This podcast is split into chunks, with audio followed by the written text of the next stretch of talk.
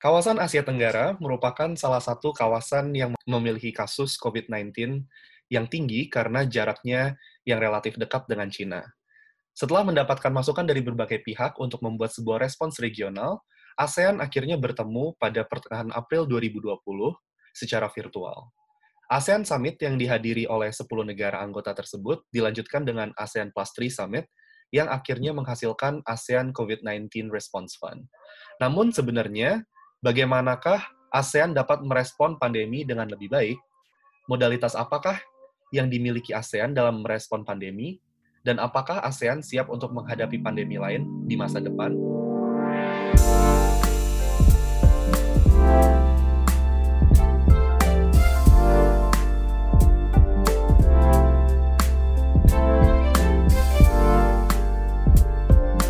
Hari ini sudah bergabung dengan kita Muhammad Habib Abian Zakwan, peneliti dari Disaster Management Research Unit, Center for Strategic and International Studies, Jakarta.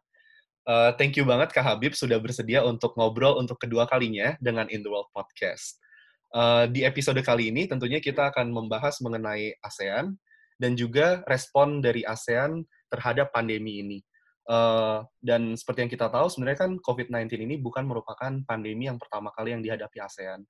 Um, hmm. Tapi mungkin kalau melihat apa namanya kembali ke bulan Januari atau bulan Februari ketika ASEAN masih awal-awalnya uh, mulai memikirkan respon terhadap COVID, uh, apa sih yang perlu kita tahu? Apa yang bisa di-highlight dari usaha-usaha itu? Siap. Um, makasih banyak, Jel, sebelumnya udah diundang kembali di dalam In The World Podcast. Senang banget bisa gabung lagi sama podcast ini uh, sebelum kita bahas tentang ASEAN, mungkin ini agak brief dulu. Aku cuma mau mungkin kasih gambaran bagaimana COVID-19 ini mengubah um, in, existing uh, international collaboration kayak gitu ya. Jadi hmm. bagaimana uh, pandemi itu mengubah kerjasama negara-negara uh, di dunia. Hmm. Jadi ada empat poin. Yang pertama adalah sebenarnya dari segi prioritas. Menurut aku um, COVID-19 ini mengubah prioritas kerjasama eh, negara-negara di dunia, tidak terkecuali di ASEAN juga, hmm. yang tadinya mungkin kurang membahas mengenai kesehatan publik gitu ya, atau kesehatan masyarakat, uh, dan juga misalnya kebencanaan dan berbagai macam resiko lainnya. Tapi setelah adanya pandemi ini, uh, tentunya uh, pola atau prioritas kerjasamanya bergeser ke arah sana gitu, ke arah isu-isu ini. Kemudian yang kedua adalah mungkin kita membutuhkan uh, platform uh, daring atau online platform hmm. yang lebih aman karena kan sekarang semuanya menggunakan uh, online platform ya misalnya Zoom uh, atau misalnya Cisco meeting dan lain hmm. uh, dan lain sebagainya. Nah termasuk juga officials yang mengambil kebijakan membahas mengenai rahasia negara dan lain sebagainya. Hmm.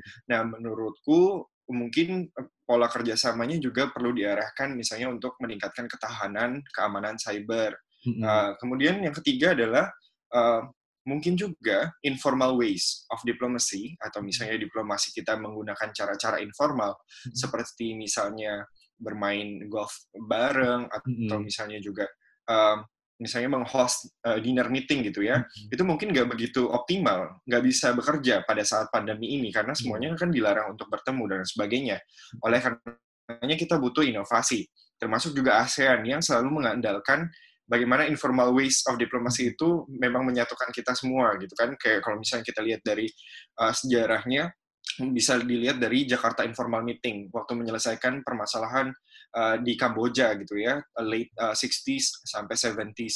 Uh, hmm. kemudian juga mungkin kita bisa bicara soal tentang ini apa namanya 2013 waktu Pak Marty Natalegawa gitu melakukan hmm. shuttle diplomasi dan lain sebagainya. Hmm. Itu kan memang butuh harus ketemu untuk ngobrol dan lain sebagainya. Hmm. Kemudian juga kayak Indo-Pacific meeting yang di host Indonesia baru-baru ini, kalau tidak salah ya, tahun kemarin ya.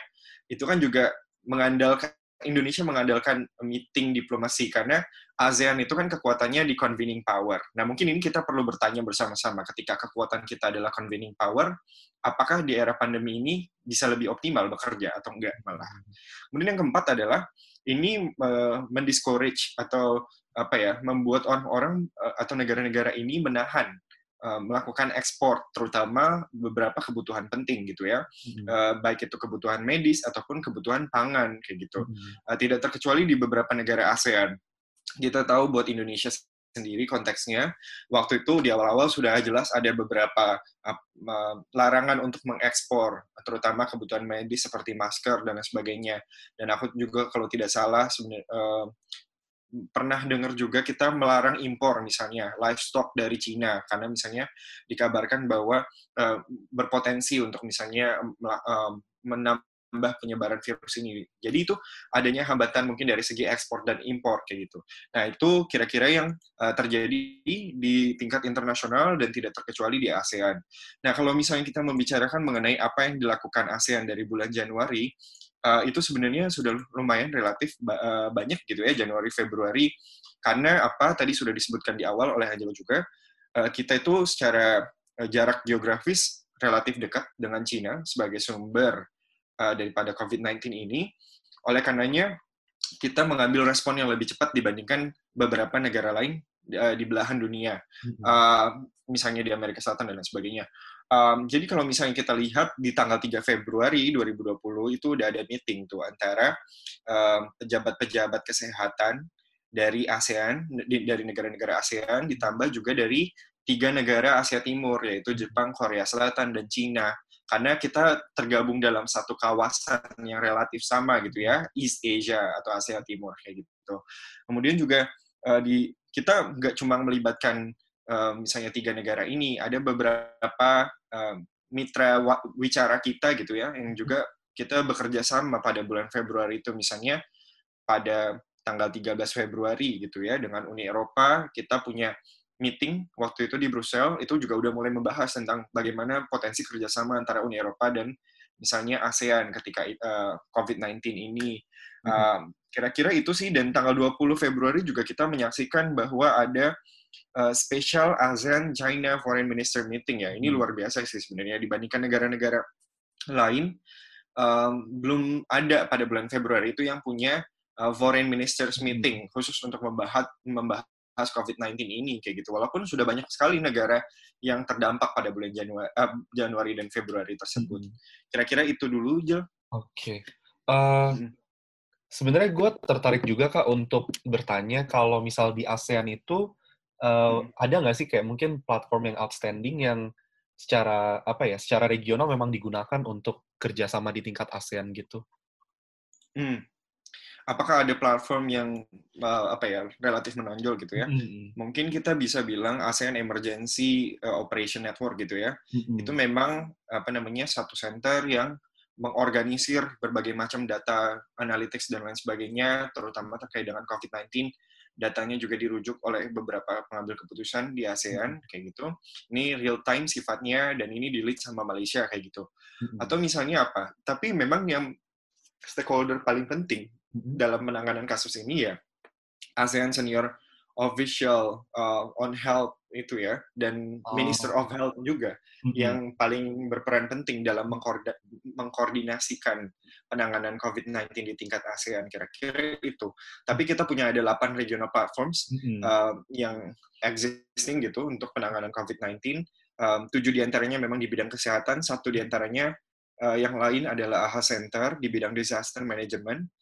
Jadi kalau misalnya dari AHA Center sendiri, mungkin peranannya lebih ke arah stockpiling ya gitu. Karena kita AHA Center ini punya warehouse di beberapa negara ASEAN, termasuk di, uh, di Filipina, di Malaysia, kayak gitu.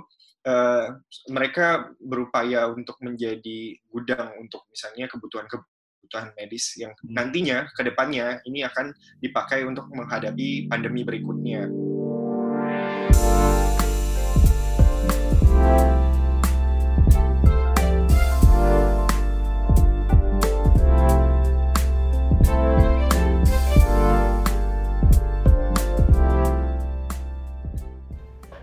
Have you ever wondered what the young people think about ASEAN, the Association of Southeast Asian Nations? Here in Universitas Gadjah Mada, Indonesia, we have a platform that brings together students across disciplines who are interested about ASEAN to share their perspectives and insights about ASEAN. And that's exactly why we're here for. We host monthly events, run workshops, and write articles. And we even talk to scholars and policymakers regularly. If you're ever curious about what we do, visit our Instagram page at ugm.asean.society. Once again, it's at www.asia.society.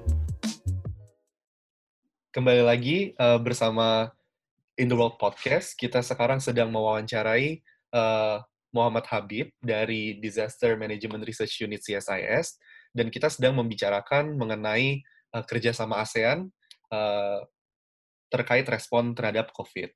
Uh, sebelumnya kita sudah membahas apa saja sih uh, platform regional yang digunakan oleh ASEAN uh, selama dari awal pandemi ini hingga sekarang dalam uh, merespon terhadap COVID ini. Nah, sekarang kita akan bertanya kepada Kak Habib, uh, apa saja sih contoh uh, kerjasama sektoral ASEAN, tapi mungkin sebelum kita bertanya tentang contohnya, kita bisa mengekspor dulu uh, ada sektor-sektor apa saja sih di mana ASEAN itu bekerja sama satu dengan yang lain, anggota-anggota ASEAN ini?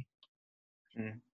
Sebenarnya ada banyak ya uh, sectoral bodies atau sectoral cooperation di ASEAN. Cuma khusus terkait dengan COVID-19 ini kita mungkin bisa melihat ada beberapa yang lumayan uh, terdepan karena memang terdampak sekali oleh COVID-19 ini. Yang pertama tentunya di bidang kesehatan gitu ya. Uh, ini kita punya ada senior official for health development di tingkat ASEAN itu uh, koordinatornya sekarang Kamboja memang lumayan proaktif dalam mengadakan meeting-meeting uh, khususnya terkait dengan koordinasi penanganan COVID-19 di ASEAN. Uh, kita lihat tanggal 13 Maret itu udah ada meeting, kemudian juga dieskalasi artinya ditingkatkan uh, di tingkat menteri gitu ya. Uh, ASEAN Health Ministers Meeting itu uh, koordinatornya Indonesia mengadakan juga uh, meeting uh, tersebut pada tanggal 7 April 2020 dan yang kemudian juga kita, perlu kita catat misalnya tanggal 19 Mei 2020 yaitu dari ASEAN Emergency Operation Center. Hmm. Selain dari health mungkin ada beberapa sektor lainnya misalnya uh, pertahanan ya, yaitu defense gitu ya. Hmm. Kemudian yang kedua uh, tourism hmm. karena memang uh, adanya hambatan COVID-19 COVID-19 ini menyebabkan hambatan orang untuk bermobilisasi hmm. Dari satu negara ke negara lain. Kemudian yang ketiga ada dari sektor ekonomi, yang keempat dari sektor tenaga kerja, yang kelima itu dari sektor agriculture ya. Uh, kira-kira itu sih ada berapa jenis sektoral yang lumayan prominent ketika uh, COVID-19 ini. Uh, gue tertarik untuk ini sih kak apa mengekspor uh, dari yang lu sebutin, gue tadi belum mendengar ada kerjasama ASEAN di bidang disaster gitu. Sebenarnya, hmm, hmm. Uh, apakah hmm. ada sektoral disaster di situ atau bagaimana? Hmm. Iya, sebenarnya ada. Um, kita punya ASEAN Community on Disaster Management hmm. ACDM. Hmm. Kita juga punya ASEAN Ministerial Meeting on Disaster Management. Hmm. Tapi aku rasa memang ini pembahasannya belum begitu banyak hmm. yang mengarah ke bencana non alam. Mungkin kalau misalnya teman-teman belum dengerin podcast yang sebelumnya, hmm. itu coba didengerin dulu. Itu ada beberapa kaitannya penjelasan bagaimana hubungan bencana alam dan COVID-19 hmm. uh, ini uh, dilakukan gitu ya, atau misalnya disusun. Tapi kira-kira mereka masih fokusnya banyak uh, terkait dengan bencana alam. Mungkin setelah pandemi COVID-19 ini, ACDM sama ASEAN Ministerial Meeting on Disaster Management mungkin akan berpikir bagaimana meningkatkan kapasitas ASEAN hmm. untuk menjembatani uh, kedua isu ini gitu ya antara bencana alam dan juga pandemi gitu. Karena misalnya WHO hmm. juga sudah mengeluarkan um, konsepnya sendiri yaitu kan uh, Health Emergency Disaster Risk Management uh, HERDM hmm. itu mungkin akan di apa ya di di mainstream gitu ya, di, di, uh, diupayakan untuk disosialisasikan ke negara-negara ASEAN. Yang lain juga misalnya UN Disaster Risk Reduction, organisasi PBB di bidang kebencanaan juga sudah menawarkan konsep bahwa bencana alam juga termasuk, sorry, bencana juga termasuk uh, bencana dari risiko biologis, kemudian uh, kimiawi, kemudian radiologis, kayak gitu. Itu termasuk pandemi juga. Jadi kira-kira itu jauh kalau misalnya dari ASEAN okay. dan disaster.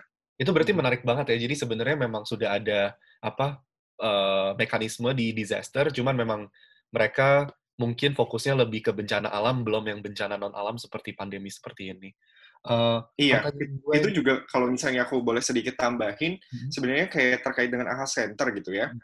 Mungkin misalnya AHA Center lumayan sering disebut-sebut di era pandemi ini gitu, hmm. oleh berbagai macam tulisan akademik, atau bahkan dokumen ASEAN resmi hmm. sendiri gitu ya. Hmm. Cuma memang perlu kita ingat sama-sama kalau misalnya mandatnya AHA Center itu sebenarnya terbatas pada bencana alam kayak gitu. Hmm. Waktu tahun 2018, uh, misalnya 2019 juga krisis Rohingya gitu, mm-hmm. uh, teman-teman di AHA Center tuh juga mungkin sedang uh, berpikir keras bagaimana menyesuaikan mandatnya mereka untuk menangani kasus misalnya krisis Rohingya dan apalagi sekarang gitu ya pandemi.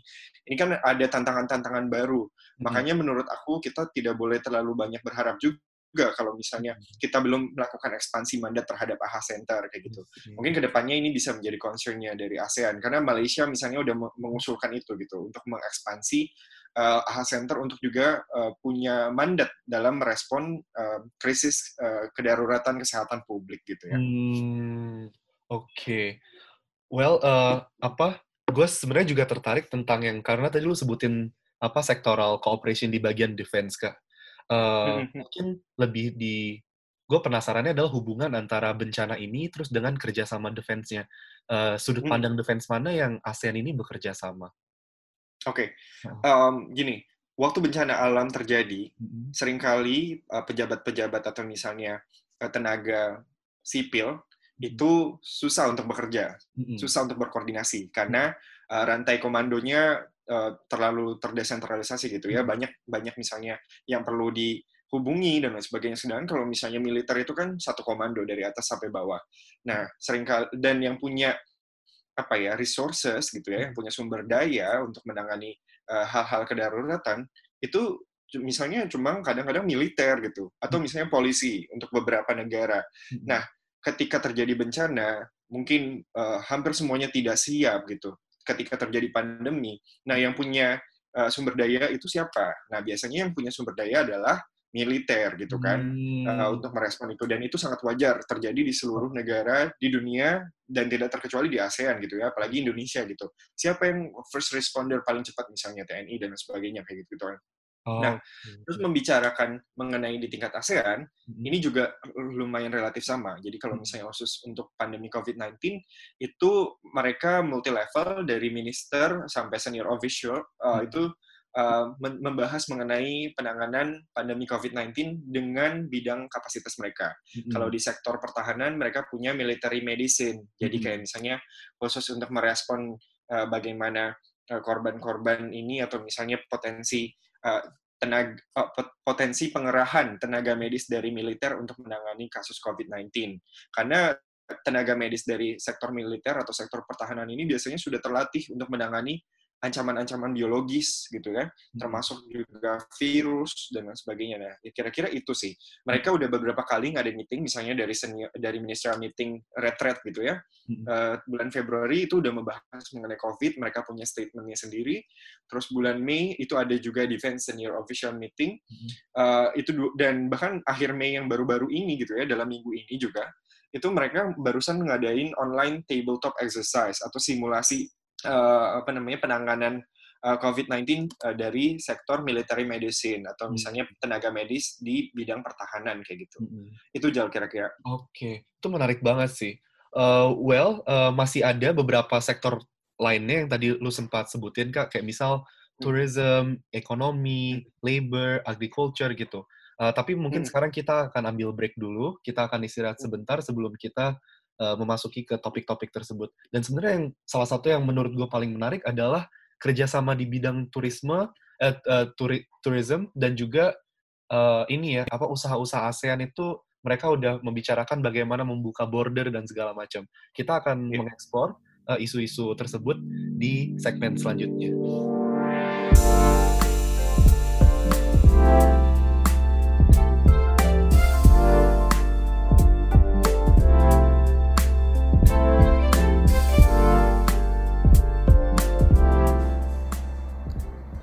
Support for today's show comes from UGM ASEAN Society.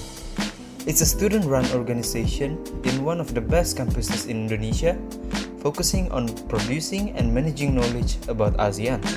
It is the first of its kind in the country and gathers the most brilliant ASEAN enthusiasts in the university. Go to our Medium page at medium.com slash at UGM ASEAN. Once again, it's medium.com slash at UGM ASEAN. Kembali lagi masih di In the World Podcast. Uh, sekarang kita akan uh, ngobrolin tentang kerjasama ASEAN di bidang pariwisata atau tourism. Uh, karena ini salah satu hal yang paling menarik. Karena uh, dari awal sekali ketika ASEAN bekerja sama itu nampaknya ASEAN sudah mulai membicarakan tentang turisme, pariwisata, dan bagaimana membuka uh, border lagi, padahal waktu itu masih sangat di awal. Dan mungkin uh, Kak Habib bisa menjelaskan sedikit dulu apa namanya kerjasama ASEAN di bidang tourism sebelum nanti kita follow up de dengan pertanyaan-pertanyaan yang terkait dengan itu.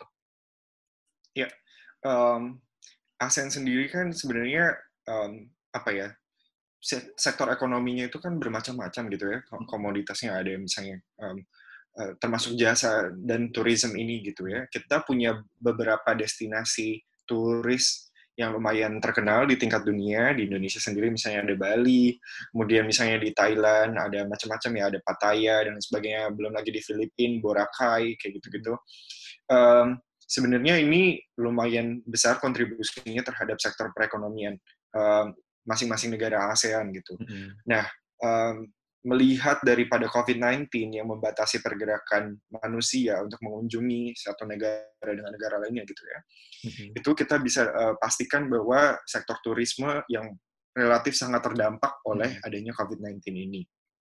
ASEAN uh, itu kan antara negara satu negara dengan negara lain itu bebas visa gitu ya, um, sama kayak di uh, European Union. Uh, nah, apa yang aku pengen bilang sebenarnya dalam penanganan kasus uh, COVID-19 uh, dari sektor tourism, mereka itu udah mulai diskusi nih. Kan kita udah mulai menjelang new normal. Mm-hmm. Uh, mulai ada wacana-wacana bagaimana sektor turisme di ASEAN itu uh, perlu merespon keadaan hidup baru ini gitu. Mm-hmm. Salah satunya misalnya Singapura mereka minta kita punya standar kesehatan yang sama. Kalau misalnya ada turisme yang mau mengunjungi misalnya dari Amerika mau kunjungan ke Bali atau misalnya mau kunjungan ke Singapura kayak gitu. Itu standar kesehatannya di tingkat ASEAN harus sama karena rata-rata turis dari luar negeri gitu ya, dari luar kawasan, baik itu dari Amerika, Australia dan sebagainya, ketika dia udah mengunjungi satu negara ASEAN, pasti dia akan berpindah. Hmm. Jadi uh, penting bagi kita untuk memastikan bahwa ketika dia dari masuk dari awal masuk misalnya di pintu negara ASEAN mana pun, itu dia sudah bebas dari COVID-19.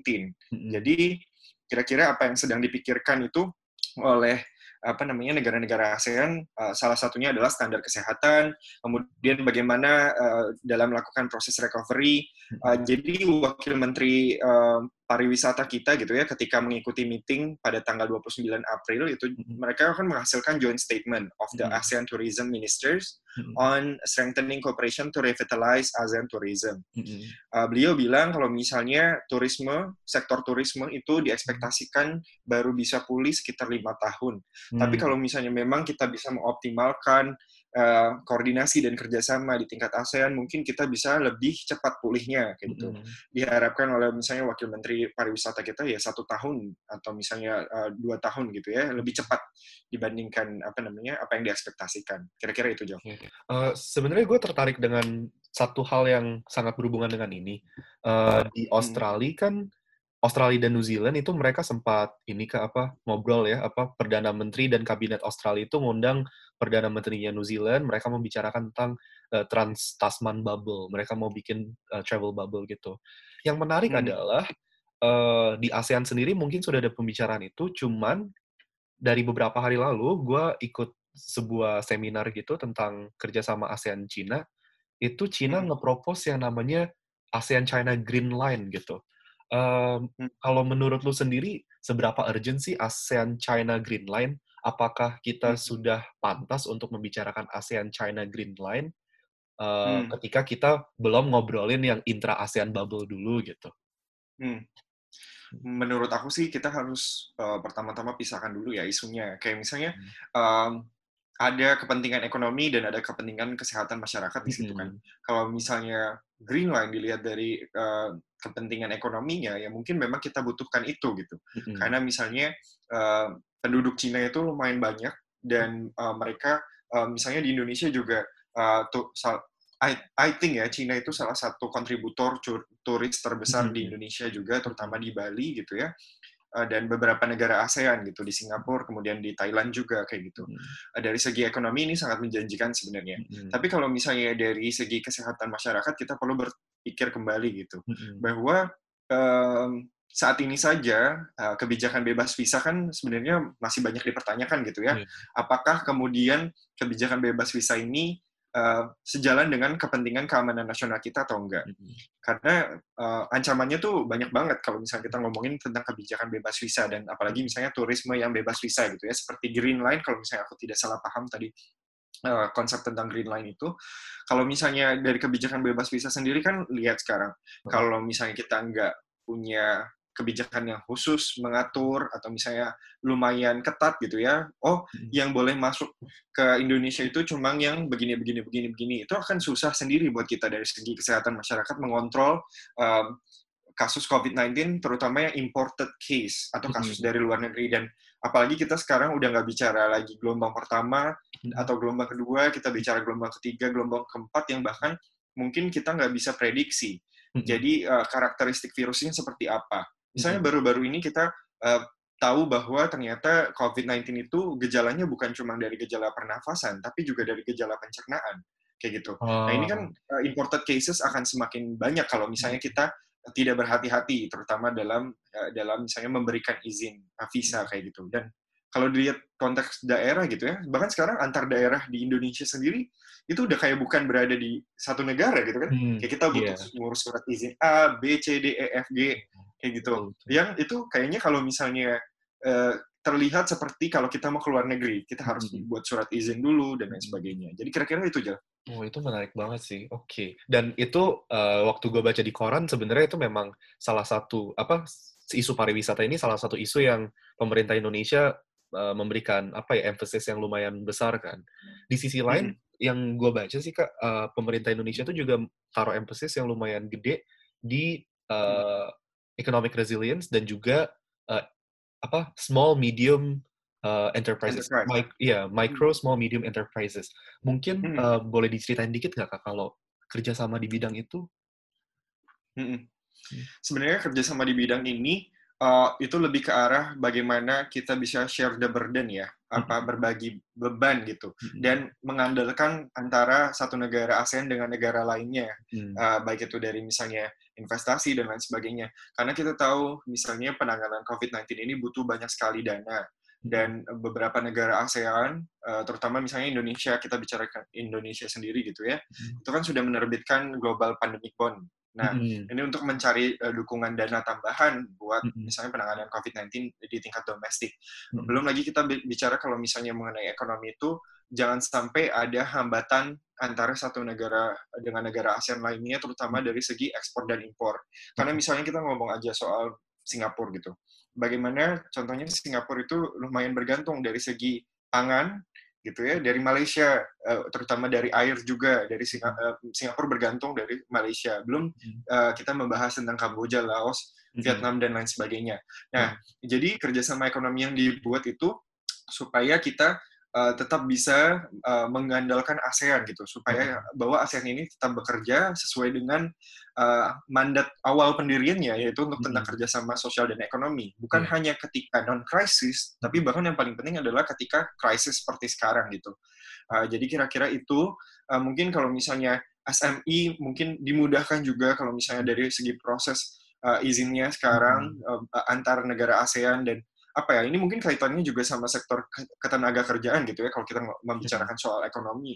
Karena apa ya uh, tenaga kerja mobilitas di ASEAN itu kan ada delapan sektor ya yang misalnya uh, bebas untuk bekerja antara satu negara dengan negara ASEAN lainnya. Nah ini juga dipertimbangkan bagaimana misalnya oh mungkin kita butuh lebih banyak lagi uh, kemudahan-kemudahan dari sektor ke ketenaga kerjaan kita atau melindungi tenaga kerja kita dari potensi-potensi apa ya pemutusan hubungan kerja karena kita hmm. tahu misalnya banyak beberapa chain uh, apa industri yang di, dari Singapura itu misalnya investasi ke Indonesia. Hmm. Nah, kira-kira itu sih Jel, kerjasama ekonominya di bidang-bidang itu menurutku. Oke. Okay. Tadi lu sebutin juga ada kerjasama di bidang labor, Kak. Gue penasaran sih, hmm. kerjasama ASEAN di bidang labor itu lebih di sisi apanya sih gitu? Lebih di sisi keperlindungan ketenaga kerjaan. Karena hmm. misalnya kita ngomong, migran worker kita di luar negeri, misalnya Indonesia, di Malaysia itu ada berapa? Misalnya tenaga kerja di kita di sana yang terutama yang unskilled gitu ya. Hmm. Atau misalnya yang profesional juga uh, dari negara ASEAN, misalnya dari Singapura di Indonesia, Malaysia di Indonesia kayak gitu-gitu. Hmm. Atau misalnya juga dari uh, apa Indonesia bekerja sebagai uh, buruh apa ya buruh kapal gitu ya awak kapal di misalnya hmm. di Vietnam atau di beberapa negara ASEAN lainnya. Nah kira-kira ini uh, perlindungan tenaga kerja kita uh, dari COVID-19 itu sendiri dan dari pemutusan hubungan kerja. Oke, jadi kalau pemutusan hubungan kerja urusannya berarti sama employment gitu kali ya kayak. Ya? Betul. Uh, Oke. Okay. Iya sih kalau dipikir memang COVID-19 ini dampak untuk employment-nya lumayan kerasa banget karena baik banget orang yang di layoff, baik banget bisnis yang akhirnya hmm. gulung tikar dan sebagainya dan uh, it's it's very hard to say what the future holds uh, setelah COVID-19 ini terkait itu. Hmm. Ada satu hal lagi yang pernah yang tadi lu sempat sampaikan dan belum gua tanyakan itu terkait dengan hmm. agriculture dan forestry. Ini menarik banget karena gue hmm. awalnya jujur gue nggak kepikiran ada kerjasama bidang agriculture dan forestry saat saat di saat-saat hmm. seperti ini. Hmm. Iya, uh, kalau misalnya dari ASEAN sendiri, sebenarnya uh, kerja sama agriculture, uh, agriculture itu kan udah dari lama gitu ya. Uh, bahkan dari awal-awal kan kita punya inisiatif, bahkan kita harusnya punya satu sentral apa ya, uh, misalnya reserve atau gudang gitu, gudang pangan dari ASEAN atau misalnya kita oh produksi uh, beras karena itu makanan apa namanya kebutuhan pokok negara-negara ASEAN itu kita harus petakan di mana saja di Vietnam, di Thailand, di misalnya Indonesia. Nah, sebenarnya kerjasama uh, di bidang agrikultur itu untuk apa sih? Nah, ini kaitannya juga tadi sama ekonomi, hubungan ekspor dan impor, dan kaitannya juga di awal. Aku sempat singgung di awal kalau misalnya COVID-19 ini uh, mendorong satu negara itu untuk mementingkan kebutuhan domestiknya terutama dari sektor pangan. Karena kan kalau misalnya kita nggak memenuhi kebutuhan itu, mungkin uh, kita bicara masalah uh, lain banyak hal, misalnya kayak kerusuhan karena apa ya kekurangan kondisi pangan atau misalnya bahkan malnutrisi atau masalah-masalah lain tuh banyak mengikuti ketika kita nggak bisa menjamin kebutuhan pangan di tingkat domestik kita sendiri. Dan itu terjadi di tingkat di tingkat ASEAN. Karena misalnya kayak Thailand itu mereka mulai membatasi kan Thailand terkenal dengan berasnya gitu ya, mm-hmm. mulai membatasi tuh ekspor beras, uh, kemudian juga Vietnam kalau tidak salah ya, mulai membatasi ekspor telur. Mm-hmm. Uh, nah ini kan terkait dengan pangan ini sendiri, kita harus pastikan bahwa ASEAN countries itu ya setidak-tidaknya uh, tidak uh, apa ya uh, menghambat penanganan COVID-19 di negara lain. Jadi artinya mungkin kita sepakat di kawasan ini kalau ekspor dan impor itu tetap boleh dilaksanakan gitu ya, atau harus uh, terus dilaksanakan. Dibandingkan kalau misalnya, oh tadinya Thailand ekspornya ke ada 150 negara sekarang yang prioritasnya ketika COVID-19 ini ekspor yang paling penting itu sama negara ASEAN dulu.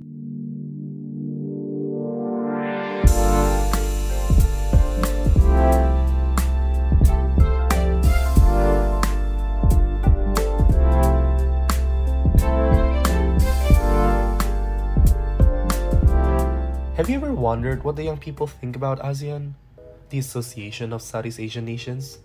Here in Universitas Gadjah Mada Indonesia, we have a platform that brings together students across disciplines who are interested about ASEAN to share their perspectives and insights about ASEAN. And that's exactly why we're here for. We host monthly events, run workshops, and write articles. And we even talk to scholars and policymakers regularly.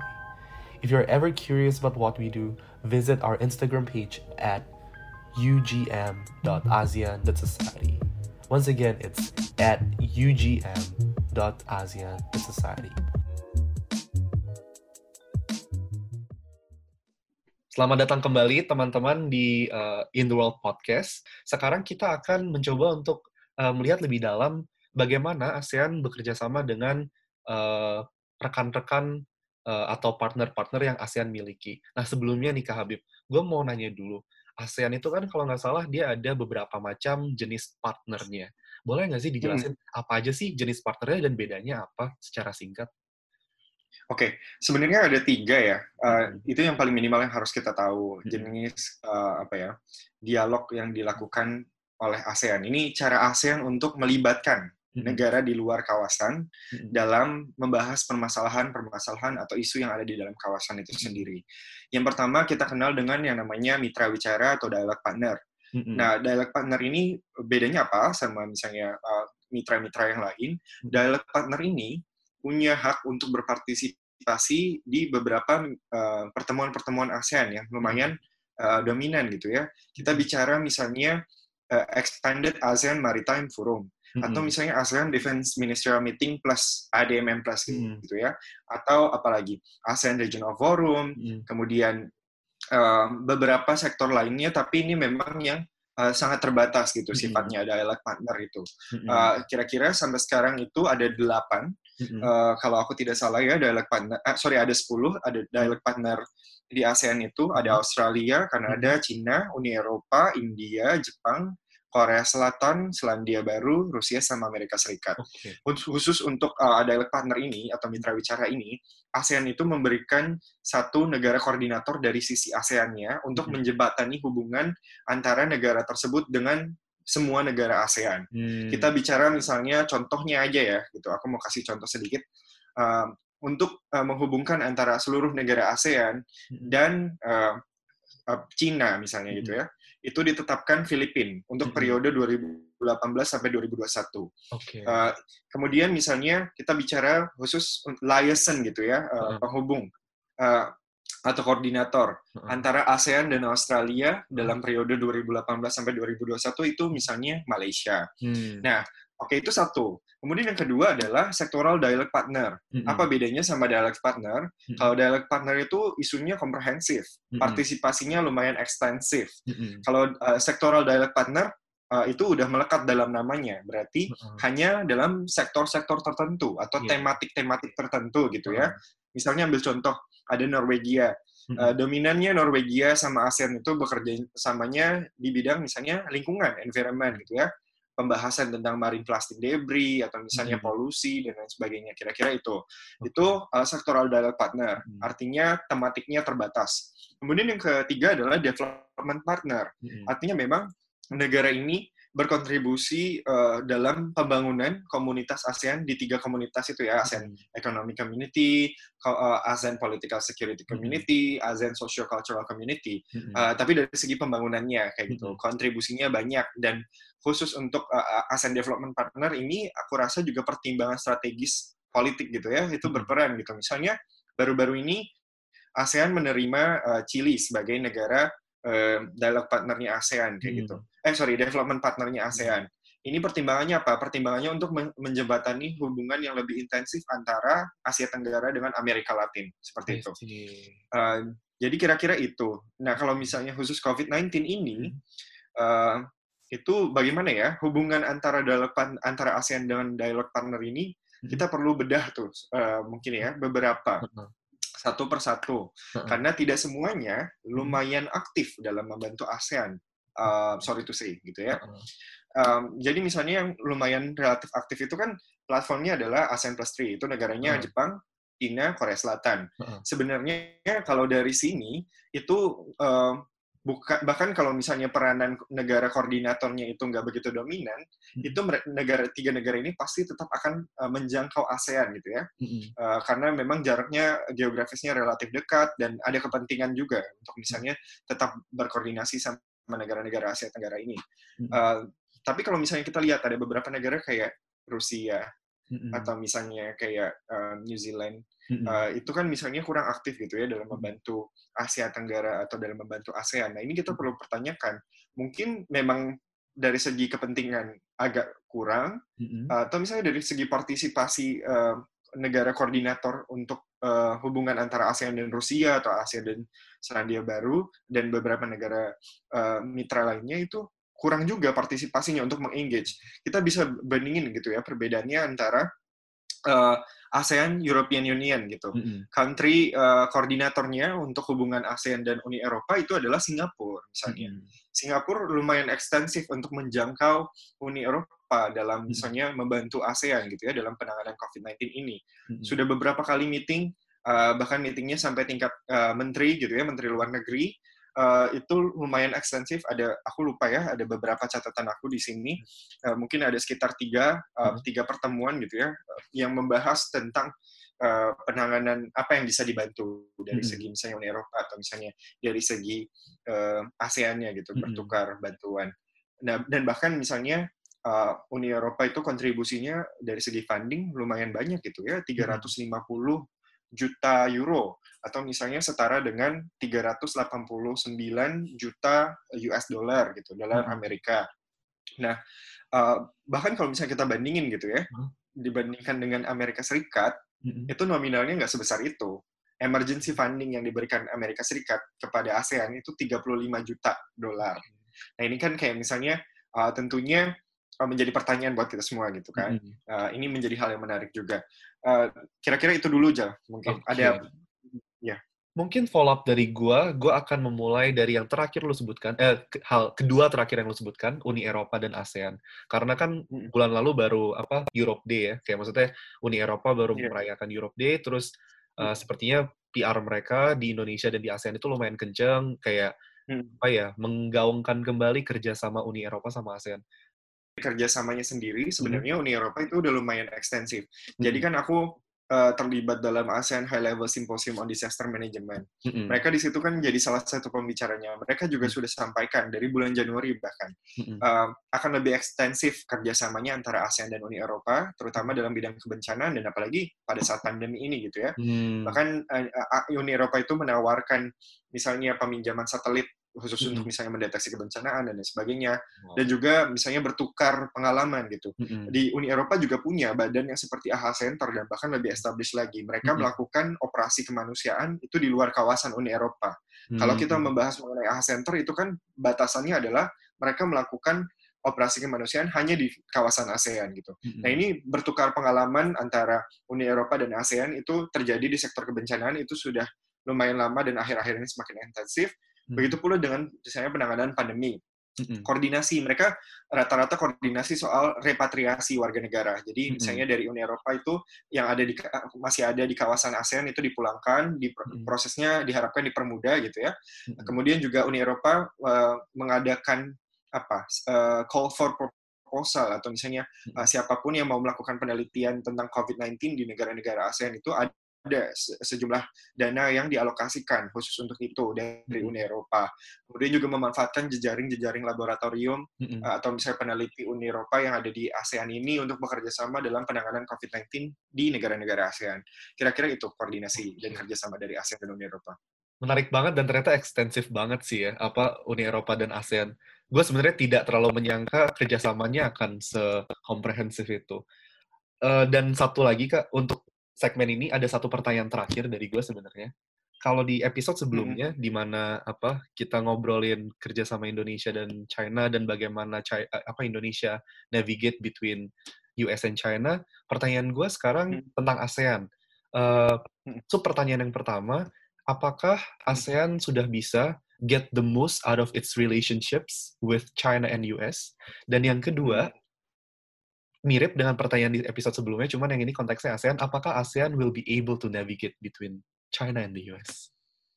Bagaimana posisi antara uh, ASEAN di tengah misalnya ini ya tensi antara Amerika Serikat dan China?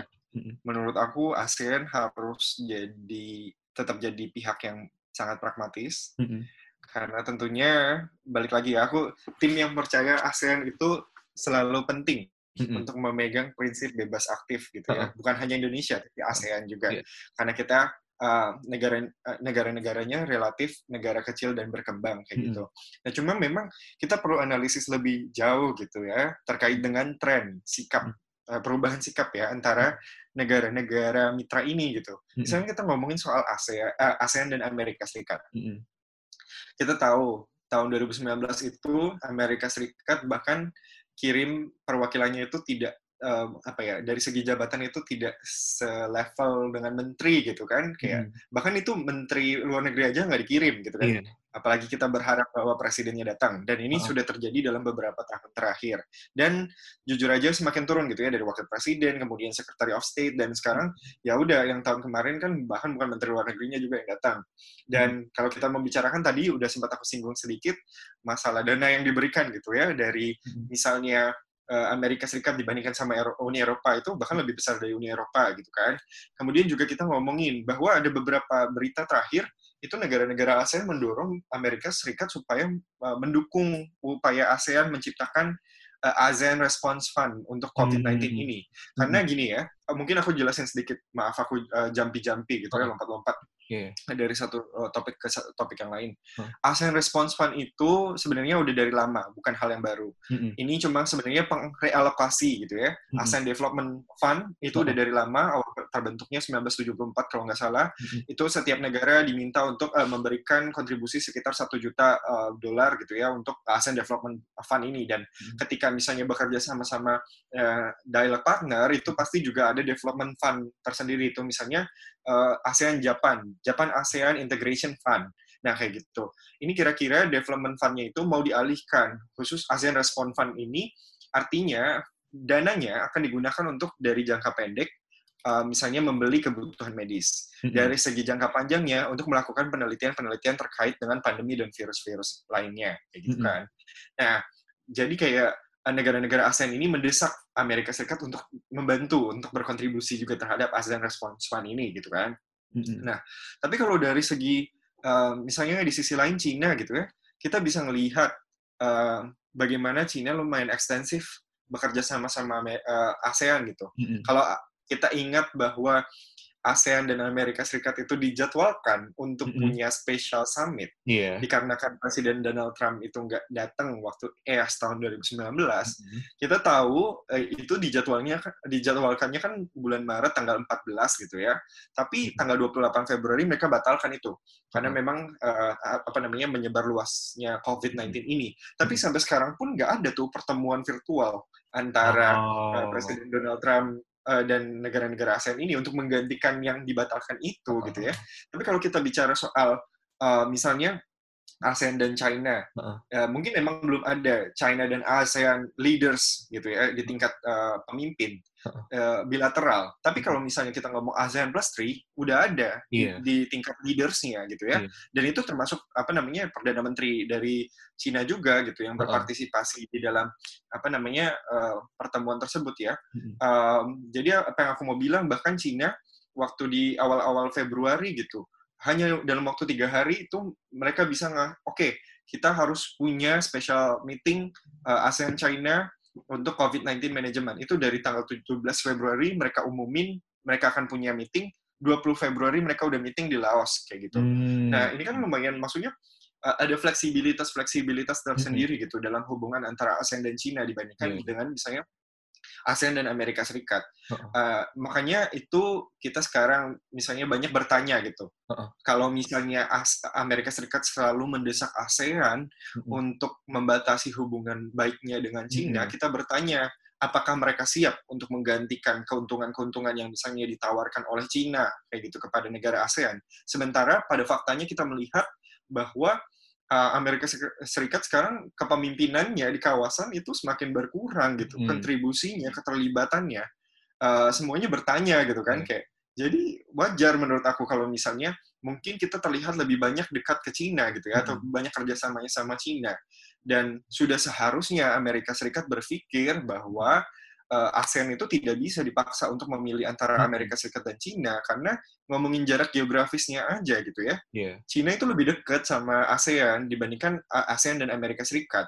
Jadi dan Amerika Serikat ketika mereka nggak mau bertanggung jawab atas misalnya keamanan Mm-mm. ASEAN secara menyeluruh ya, terus kita harus bergantung pada siapa gitu. Mm-mm. Selain kita membela diri kita sendiri atau misalnya berhubungan baik dengan misalnya Cina gitu kan.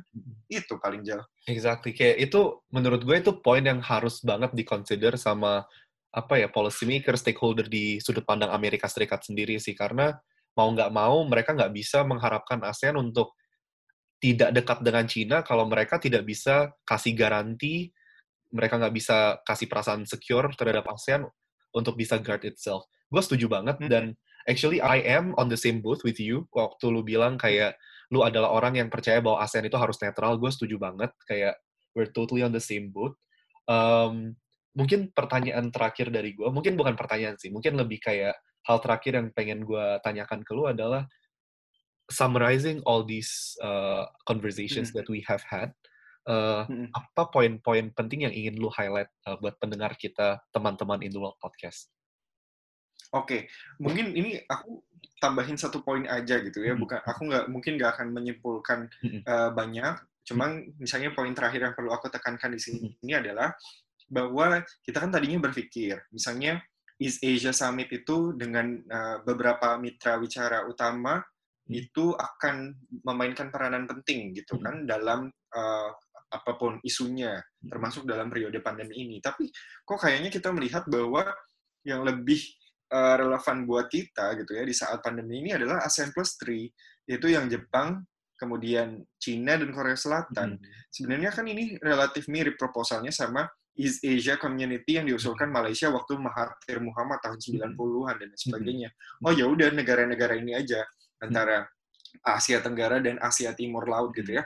Nah, uh, itu yang mungkin misalnya uh, perlu di, uh, dipertimbangkan bersama gitu ya. Apakah di era Indo-Pasifik sampai uh, sekarang ini uh, memang kesetiaan dari kawasan apa negara-negara di kawasan Indo-Pasifik yang mitranya ASEAN itu uh, bisa kita andalkan gitu. Atau mungkin justru di era krisis ini kita uh, format-format kerjasamanya memang uh, perlu menyesuaikan gitu yang mana yang hmm. paling relevan dan yang yang kurang relevan kayak gitu. Karena misalnya kita ngomongin Asia Summit sampai sekarang belum ada apa pun tuh yang misalnya kita bisa bayangkan oh bentuk kerjasamanya atau apa. Padahal kan misalnya East Asia Summit itu negaranya lumayan sangat maju gitu ya. Ada Amerika Serikat, ada Australia, ada Selandia Baru, ada India yang mereka masing-masing punya teknologi. Tapi mungkin emang ketika saat ini justru negara-negara ini dihadapkan pada konteks domestiknya masing-masing dalam penanganan hmm. COVID-19.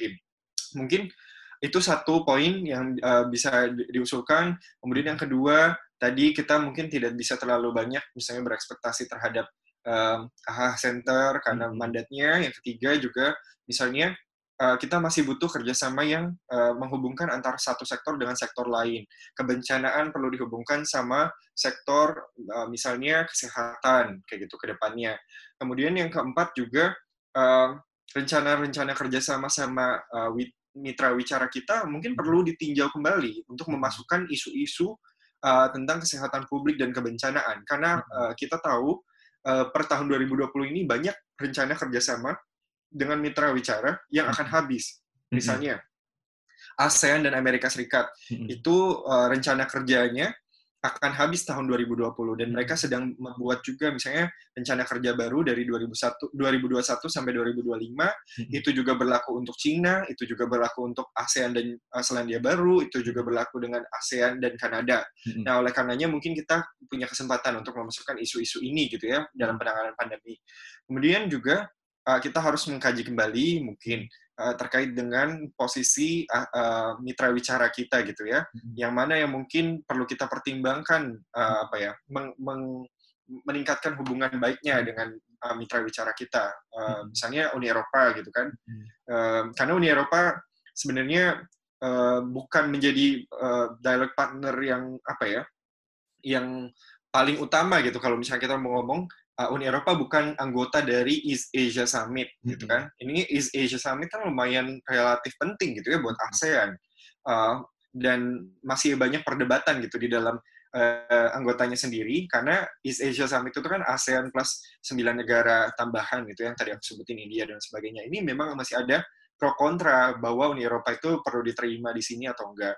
Kemudian juga yang poin keenam yang perlu aku tekankan juga penting bagi ASEAN untuk uh, berpikir kembali tentang bagaimana cara melakukan diplomasinya yang efektif di era digital, di era pandemi ini, ketika kita tidak bisa bergandeng tangan, karena khas sekali kan, kayak signature-nya ASEAN adalah bergandeng tangan gitu. Yeah. Ketika kita nggak bisa bergandeng tangan, diplomasinya akan seperti apa gitu. Okay. Apakah ASEAN masih akan tetap dengan jargonnya yang punya seribu meeting, lebih dari seribu meeting yeah. per tahun uh -uh. di saat pandemi ini gitu kan? Atau yang terakhir juga, um, sama yang paling penting mungkin ya ini terakhir poin aku huh? uh, kepemimpinan atau koordinator uh, ASEAN itu uh, perlu berperan dominan dan kita sudah hmm. melihat Vietnam uh, menjalankan peran yang cukup baik di era pandemi ini dan bahkan itu di luar ekspektasi kita karena mm -hmm. Vietnam pada saat ini juga anggota uh, tidak tetap Dewan Keamanan PBB. Mm -hmm. Jadi uh, applause buat Vietnam sih menurut aku. Kira-kira itu yang mau aku sampaikan Jal. Terima kasih banyak. Itu menarik banget sih Kak. Mungkin sebelum uh, sebelum gua tutup, gua mau ini sih Kak nambahin sedikit. Jadi uh, hmm. I think a little over a month ago atau mungkin beberapa minggu lalu gue ikut sebuah webinar uh, dan pembicaranya adalah uh, apa perutusan tetap Indonesia untuk ASEAN.